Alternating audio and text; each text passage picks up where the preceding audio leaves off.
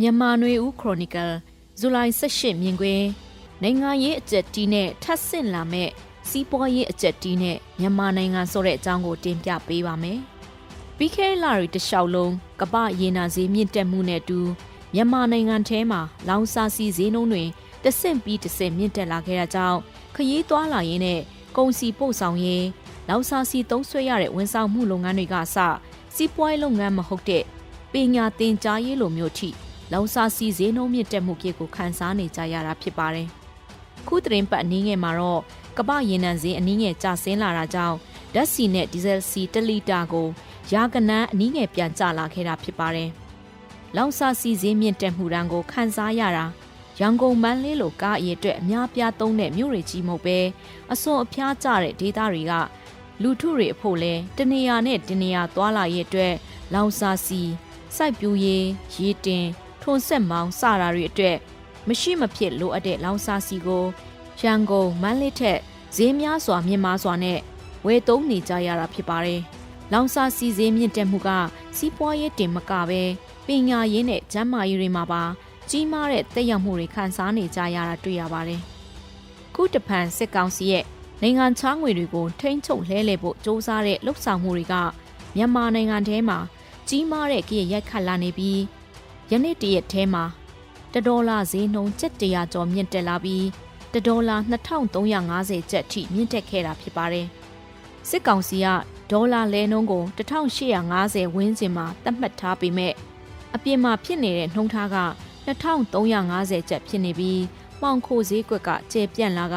စီးပွားရေးကိုကြီးမားတဲ့ကြရက်တွေရိုက်ခတ်လာနိုင်တာဖြစ်ပါတယ်။သတင်းပတ်တွေအတွင်းကျဆင်းလာတဲ့လောင်စာစီဈေးနှုန်းဟာ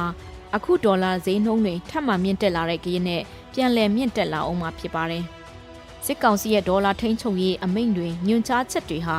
စိုးရွားနေတဲ့စီးပွားရေးကိုပိုပြီးကတောင်းကနင်းဖြစ်စီမှာဖြစ်ပါတယ်။အခုလိုစစ်ကောင်စီကဒေါ်လာနဲ့ပတ်သက်တဲ့အမိန့်ညွှန်ကြားချက်မကြာခဏထုတ်ပြန်တာဝင်လာတဲ့ငွေတွေကို24နာရီအတွင်းမြန်မာကျပ်ငွေလဲခိုင်းတာတွေဟာသတိလင်္ကာနိုင်ငံကစီးပွားပြိုလဲတဲ့ဖြစ်ရပ်ကိုစစ်ကောင်စီခေါင်းဆောင်တွေမြင်ပြီး ပြည်တွင်းစီးပွားနယ်ပယ်ကဒေါ်လာတွေကိုထိန်းချုပ်ဖို့စ조사တာမျိုးဖြစ်နိုင်တယ်လို့အခြားသောဖြစ်နိုင်ခြေတစ်ခုကစစ်ကောင်စီလက်ထက်မှာနိုင်ငံခြားအရန်ငွေပြက်လက်နေတာကြောင့်လည်းဖြစ်နိုင်ပါတယ်။သရီလင်္ကာနိုင်ငံမှာမိသားစုနဲ့ဆွေမျိုးကောင်းစားရေးကိုဦးတည်တဲ့ခေါင်းဆောင်သမရရာဂျပစာရဲ့စီမံခန့်ခွဲမှုအလွဲတွေနိုင်ငံရဲ့နိုင်ငံခြားငွေအများဆုံးရတဲ့ကမ္ဘာလှည့်ခီးသွားလုပ်ငန်းဟာကိုဗစ်ကူးစက်မှုနဲ့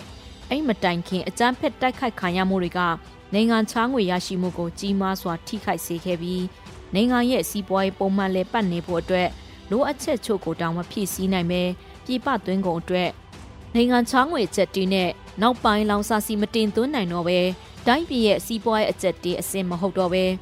ပညာရေးကျန်းမာရေးဝန်ဆောင်မှုတွေပါအားလုံးထိုးရက်ပြီးဆန္ဒပြမှုသမရအိမ်ကိုဝင်ရောက်စီးနှင်းတဲ့အထိဖြစ်ခဲ့တာဖြစ်ပါတယ်။စစ်ကောင်စီအနေနဲ့ အဲ့လိုအခြေအနေမျိုးကိုစိုက်ရောက်မှစိုးရိမ်တာကြောင့်နိုင်ငံခြားငွေကိုထိန်းချုပ်တာလည်းဖြစ်နိုင်ခြေတစ်ခုဖြစ်ပါတယ်။သို့မဟုတ်သရီလင်္ကာကိစ္စနဲ့မဆိုင်ပဲစစ်ကောင်စီအဖို့စစ်ရေးအုံစိတ်တွေနဲ့နိုင်ငံတကာမှာတန်တမာရေးအရာရော စီးပွားရေးအရာပါအထီးကျန်ဖြစ်လာနေတာတွေရဲ့ကြရဲ့ကြောင့်နိုင်ငံခြားငွေအကျက်တီးကဖြစ်ပျက်နေနေပြီးအခြေအနေလည်းဖြစ်နိုင်ပါတယ်။ကိုဗစ်ကူးစက်မှုဆိုင်ရာကန့်သတ်ချက်တွေကြောင့်ကမ္ဘာမှာ နိုင်ငံအများပြားရဲ့စီးပွားရေးထိခိုက်ကျဆင်းခဲ့ရသလို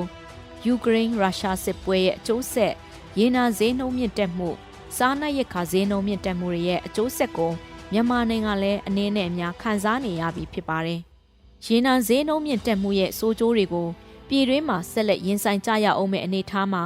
နိုင်ငံခြားငွေကိုထိန်းချုပ်လိုတဲ့စစ်ကောင်စီရဲ့ကြိုးပမ်းမှုကထပ်ဆင့်ပြဿနာတွေပေါ်ပေါက်လာစေနိုင်တာဖြစ်ပါတယ်။ တချို့သောနိုင်ငံရေးရှုထောင့်အရတော့စစ်ကောင်စီရဲ့နိုင်ငံရေးအာဏာကိုလက်နက်ကင်တိုက်ခိုက်တဲ့နီလန်းနိုင်ငံရေးနီလန်းတွေသားမကစီးပွားရေးအလွဲစီမံခန့်ခွဲမှုတွေကြောင့်ဖြစ်လာတဲ့စီးပွားရေးအကြက်တီးနဲ့ရင်ဆိုင်နေရခြင်းအခွင့်အရေးဖြစ်အသုံးချပြီးသတိလင်္ကာမှာတမရကိုဖြုတ်ချနိုင်ခဲ့တဲ့နီလန်းမျိုးနဲ့အဆုံးသတ်နိုင်လိမ့်မယ်လို့ယူဆမှုတွေရှိကောင်းရှိနေတာဖြစ်ပါတယ်ရှင်။